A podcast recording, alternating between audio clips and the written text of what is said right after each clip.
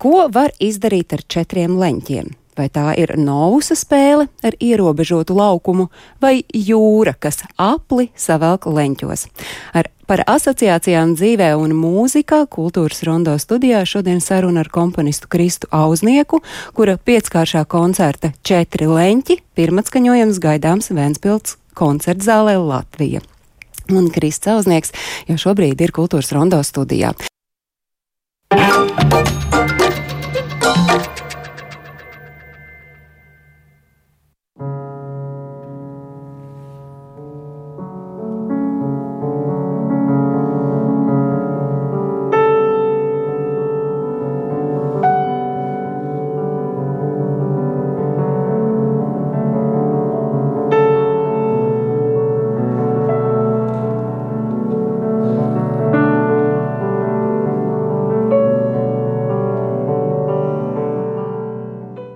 Ilgi gaidīts notikums jau šo sestdienu, 11. jūnijā Vēnspilī koncertzālē Latvija notiks komponista Krista Auznieka pieckāršā koncerta Four Angles, eh, jeb četri leņķi pirmatskaņojums.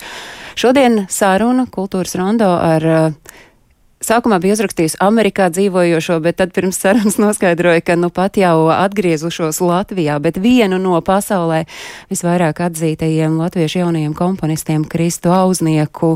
Krists ir kultūras rondo studijā. Labdien! Sveicināti!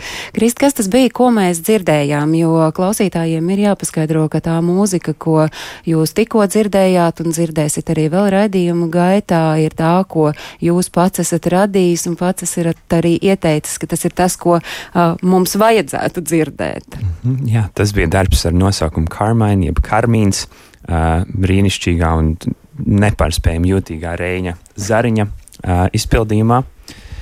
Uh, man ārkārtīgi liels prieks par šo ierakstu, un, protams, kā vispār par Reini, tos, ne, tos droši vien nevarētu uzsvērt pietiekami jau šajā sarunā. Bet tas ir pavisam nesens darbs, ko Reinis tikko atskaņoja Gorā pirms pāris mēnešiem. Tas ir um, pandēmijas laikā radīts darbs, kurš pirmatskaņojumu kādu laiku laikam gaidīja. Uh, nē, šis darbs patiesībā jau radās pirms pandēmijas. Viņš vienkārši gaidīja vienu citu amerikāņu uh, pianista pirmatskaņojumu, kurš uh, vēl nav noticis, līdz ar to Reinis dabūja tādu neoficiālu pirmatskaņojumu iespēju, uh, un līdz ar to Uh, oficiāli šis darbs vēl pirmatskaņojumu tikai gaida. Jūs esat slavēts par uzmundrinošo, satriecošo, gaišo mūziku, kurai piemīt pārsteidzoša sarežģītība un skaistums un vienlaikus arī vecmodīga elegance. Jūs arī esat jaunākais komponists, kurš jebkad saņēmis Latvijas lielo mūzikas balvu. Tas bija 2017. gada labākais jaundarbs. Esat saņēmis starptautiskus apbalvojumus un jaundarbu pasūtījumus. Jūs varat man atklāt, nu kā vienam cilvēkam neies ieslīgt tādā pašapmierinātībā, klausoties tādās slavas dziesmās mhm. pašam par sevi?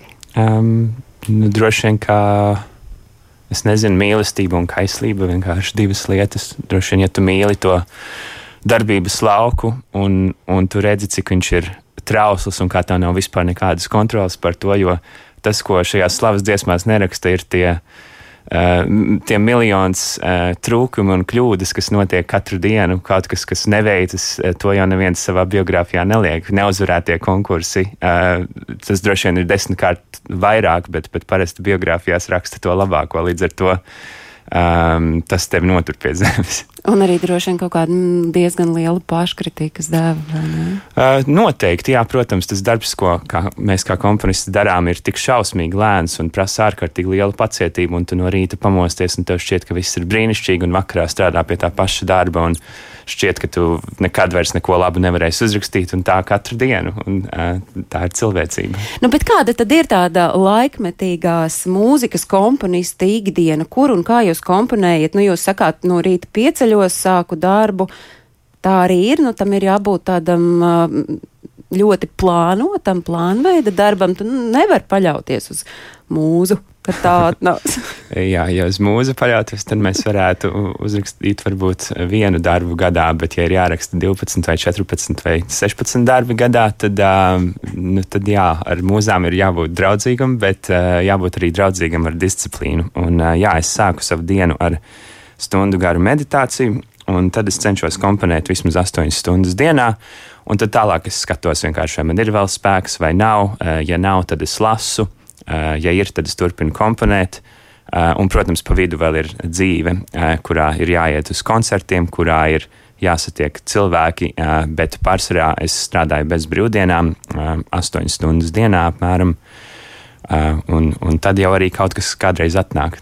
Un vienalga, kurā pasaules malā arī jūs nedzīvotu, jūs šo ritmu mēģināt ieturēt. Jā, ļoti, ļoti cenšos. Tas ir grūti, īpaši tad, kad ceļoju ar kaut kādām laika zonu maiņām vai ar, ar kaut kādu daudz neregulārāku plānu vai, vai kaut kādām ēdienreizu izmaiņām, un tādas vienkāršas lietas pēkšņi kļūst um, viņas ietekmē tavu dzīvi un tavu darbību uh, vairāk nekā gribētos, bet uh, man šķiet centība, uh, ticība un, un, un cerība vienmēr tajā visā palīdz. Drīkst pieķerties vārdam ceļot, jo liela daļa no klausītājiem pēdējos divus gadus par šo sadaļu savā dzīvē bija aizmirsuši.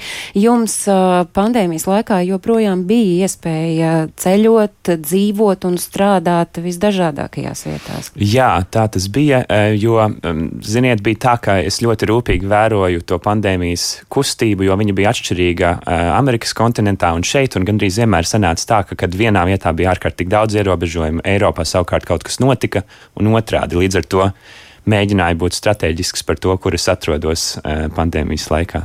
Kādā intervijā atbildot uz jautājumu, kāpēc pēc Rīgas doma kora skolas un Rīgas pirmās gimnāzijas beigšanas jūsu ceļš ir aizvedis uz Ņujorku, jūs esat teicis, ka pasauli par tevi neuzzinās, kamēr pats neiesi, necīnīsies, nemeklēsi un nerādīsi, un to izdarīt ir vienkāršāk, ja esi aktīvs, īpaši lielākās pilsētās, kur ir aktīvāka jaunās mūzikas vide. Šobrīd kā par sevi cīnāties un cik jūs aktīvs šobrīd esat? Um, droši vien aktīvāks kā, kā jebkad. Uh, es tikko, uh, tikko iegūstu doktora grādu pirms nedēļas, atgriezos no Ņujorkas, uh, un uh, tas jau vien uh, nozīmē, ka man beidzot uh, ir vienkārši vairāk laika arī komponēt, nevis tikai pievērsties akadēmiskam darbam. Um, arī dzen, šobrīd esmu sarunās ar menedžmenta kompāniju Amsterdamā, kas vēlas mani pārstāvēt, kas arī ir liels solis uz priekšu vienkārši karjerā kā tādā. Uh, Uh, un, protams, paralēli es strādāju pie, pie bezgalīgi daudz darbiem, kas, uh, kas ir liela, liela laime, jo, jo vienkārši zināt, ka kalendārā uz priekšu ir plānoti gan pasūtījumi, gan atskaņojumi. Tas ir, uh, tas, ir tas, kas, kas, kas uztur, uztur to darbu dzīvu un, un dod sajūtu, ka tu esi pareizajā vietā un laikā. Nu, šobrīd, kad viens no Latvijā labākajiem komponistiem, jaunajiem komponistiem, Kristāns Zausnieks, atver savu plānotāju, nu, cik tālu uz priekšu jūs redzat? Līdz kuram gadam jums ir skaidrs, vai vismaz jūs zināt to darba plānu? Uh, Viss tālākais, kas ir, ir 25. gadā uh, kalendārā. Nav bet, bet, bet, nē, bet lielākā daļa tomēr es plānoju, nu tā, gadu uz priekšu man ir pilnīgi viss skaidrs, un divus gadus ir tādā tāds nu, 50% skaidrība, kurā vēl kaut ko var ielikt, kaut ko var izņemt, un, un tad tālāk uz priekšu tas jau vairāk ir tā abstrakti. Bet tā, tie, tā, tie, tie darbi ir lielākoties uh, saistīti ar Latviju, vai tomēr tā ir visa? Ļoti, pasauli? ļoti dažādi, jā. Man apmēram es varētu teikt, ka šobrīd tas ir 50 un 50 procenti. Jaundarbs četri leņķi, kāds ir tā stāsts, jo skaidrs, ka nu, šis arī ir jaundarbs, kas atskaņu, pirmatskaņojumu piedzīvo šīs nedēļas nogalē, bet uh, es saprotu, ka tam tā, nu, tas, tā, tā piedzimšana un tas, tas, tā idejas rašanās arī ir gan uh, senāka. Sena, jā, protams, šis, ir, šis gads vispār ir pagājis tādā pēc pandēmijas zīmē, kad daudzi darbi, kas skapī nostāvējuši un, un uh, kas ir šausmīgi grūti, jo, protams, tu strādā pie viņiem tikpat ilgi, un tad tu nedabūsi šo atskaņojumu, kas ir tas vienīgais uh, nu, tā, tas pavasaris, kurā rozes uzzied pēc, pēc šī smagā darba. Uh, tas nav noticis tik daudziem darbiem, un tāpēc par šo darbu man ir īpaši, īpaši prieks, jo man šķiet, ka viņš ir gaidījis visilgāk. Un šeit man ir jāpiemina viens ļoti, ļoti īpašs cilvēks, Mikls Magone, ar ko mums Latvijā ir ārkārtīgi paveicies, uh, ka viņš ir Ventspils koncertzāles direktors un tas, kā viņš plāno uh, koncertzāles dzīvi, tas, kādu mūsdienu elpu, pasaules elpu viņš ienes šajā valstī, es domāju, ka es ļoti vēlētos, ka, ka viņš un viņa darbs tiek novērtēts vairāk, un ka cilvēki no Rīgas dodas uz Ventspili uh, vispār vairāk. Es redzu, ka tas nevienmēr notiek tā, kā man šķiet, kā tam būtu jānotiek. Nu, četri leņķi. Kāds tad ir tā stāsts? Es te raidījuma sākumā uh, spēlējos ar vārdiem novus un minēju jūru. Hm. Kas ir četri leņķi? Jā, ne, neviens no tiem nav uh, atžgāns. Uh, jāsaka, ka uh, darbs sākās uh, bez novusa klātbūtnes, bet uh, darba gaitā mēs ar Miku sarunājāmies, un Miks teica, ka novus ir ļoti uh, īpašs sporta veids Ventspilī, un tad arī ienāca šajā komandā Semjons Haņins dzēnieks, uh, un pamazām kļuva skaidrs, ka Novas būs tā daļa. Uh, mans darbs kā tāds, protams, vienmēr atrodas kaut kādā daudz abstraktākā telpā, bet es esmu ļoti pateicīgs tam, ka caur Semjonu Haņinu, caur Miku, uh, arī caur um, scenogrāfiem un video māksliniecēm Moniku Pormali un um, uh, Katrīnu Neiburgu, uh, šis darbs iegūst kaut kādu konkretizāciju. Tad šīs abstraktās teritorijas, kurās šie četri leņķi var patiešām būt gan vienkārši novus galds, gan arī kaut kādas robežas, par kurām mēs runājam, kuras tiek nojauktas, kuras satiekas. Uh, vēl šajā darbā ļoti liela nozīme skaitļiem 5 un 4, un kā tie savā starpā it kā disonē, bet arī viens otru atrod līdzīgi kā aplis, eh, ap, apli var apvilkt gan apkārt četrstūrim, gan apli var ievilkt četrstūrī. Ļoti interesanti šīs ge geometriskās vienkāršās, it kā vienkāršās lietas, bet ar viņām var spēlēties bezgalīgi ilgi. Un uh, nomus arī ir vienkārši tāda viena konkretizācija uh, šiem bezgalīgi abstraktajiem attēliem. Jā, tur ir gan aplis, gan četras stūris. Jā, bet vai jūs vis... pats vispār kādreiz esat novus spēlējis? Jā, jā, un patiesībā šī darba atskaņojuma ietveros jūs varēsiet pārliecināties par to. Tas būs uh, redzams, nojaušams. Uh, tas būs ne tikai nojaušams, bet patiešām redzams. Tad uh, pirms mēs varbūt ķeramies klāt tieši kāpēc ir tādi uh, instrumenti izvēlēti, tad jums šai stāstā, lai šo stāstu izstāstītu, ir svarīgi, ka ir šis vizuālais noformējums, ko, kā jau jūs minējāt, veido tandēmā sadarbojoties divas latviešu mākslinieces scenogrāfs Monika Pormala un Katrīna Neiburga. Um, jā, es domāju, ka tas ir būtisks aspekts tādā ziņā, ka šis darbs noteikti var eksistēt arī kā um, abstrakts instrumentāls darbs, bet uh, pēdējā laikā man īpaši interesē veidi, kādos um, kādos palīdzēt cilvēkiem vienkārši piekļūt kaut kam, kas, kas manā prātā ir absolūti skaidrs, bet tieši vizuālie uh, līdzekļi dažkārt uh, iedod tādu um, atver durvis, varbūt pavisam vienkārši. Um, un jāsaka šeit arī, ka uh, um, gan no Mika puses, gan no manis šeit ir arī kaut kāda liela um, svinēšana uh, šajā uh, sievietes klātbūtnē, tajā, ka uh, šis darbs šeit būs piecas solistes no visas pasaules.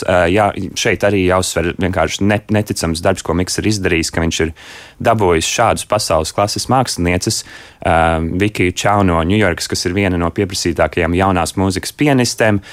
Um, Kristīnu Wheeleru, kas ir amerikāņu elektronikas mākslinieca, bet kas dzīvo Berlīnē, tad savukārt Anna Homiņa, um, ērģelniece, kas dzīvo Parīzē. Uh, no Norvēģijas mums ir Kristīna Fransone, kas ir trompetiste, un mūsu pašu Latvijas uh, Kristīna Balanas violniece. Tātad šī komanda ir, ir, uh, tas ir vienkārši brīnums, ka kaut kas tāds notiek un ka viņas visas sestdien atradīsies vienā vietā un vienā laikā. Un būs kopā ar Simfonetu Rīga mūziķiem, diriģenta Artūra Gaļa vadībā. Tad tie instrumenti - klavieres, ērģeles, viole, trompete un elektronikas. Un Un kāpēc ir tieši šādi izvēlēti tie instrumenti? Uh, tas nāca tā kaut kā organiski, gan domājot par cilvēkiem, kas šajā koncertā varētu piedalīties, gan arī domājot par, uh, par to, kādi resursi atrodas koncertzālē. Tātad ērģeles, protams, Ventspilī ir, ir, ir liela daļa no šīs koncertzāles identitātes. Uh, Un, un tad tas pamazām tā nonāca līdz, līdz šai samērā savādajai, netipiskajai kombinācijai. Tā publika, kas ir šeit Latvijā, kā tā atšķiras uh, un kā tā uztver jūsu mūziku no tā, kā citviet pasaulē? Es domāju, ka mums ir uh, liela proporcija ārkārtīgi izglītotas, zinošas, pieredzējušas publikas, īpaši tādā klasiskajā tradīcijā. Uh, uh, otrakārt, mums ir arī ļoti liela uh, uh, proporcija jaunas publikas, jaunu cilvēku, ko Rietumē Eiropā aizvien grūtāk ir novērot, un kas ir skumji un kas parāda nākotni šim sarežģītiem laukam. Bet man šķiet, ka Latvijā tādā ziņā mums ir paveicies ar to, ka mums vēl joprojām cilvēki ir muzikāli, viņi iet no bērnības mūzikas skolās.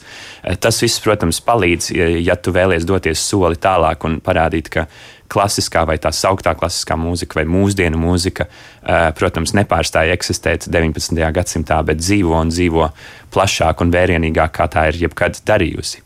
Būsit pats klāt arī pirmatskaņojumā, ja? Jā, jā. Un varat atklāt, kas notiek autorā tajā brīdī, kad jūsu radītais nonāk pirmo reizi pie klausītāja? Kur jūs esat tajā brīdī? Sēžat zālē, kur maliņā nostāk?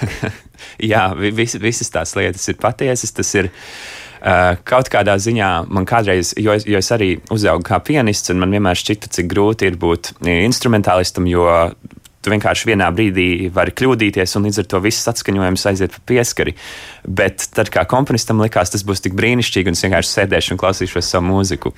Protams, ka tā absolūti nav, jo tajā brīdī, tā vietā, lai tu, piemēram, būtu pianists, kur tev tomēr, ja kaut kas noiet greizi, tu kaut ko vari izdarīt, kā komponists tajā brīdī tu vari izdarīt, nevar pilnīgi neko. Un uh, tā ir absolūta brīnišķīga bezpalīdzība, kas tev liek būt ļoti, ļoti uh, pieticīgam, tā iemāca to, ka tev ir jāuzticas cilvēkiem, tev vienkārši nav citu iespēju.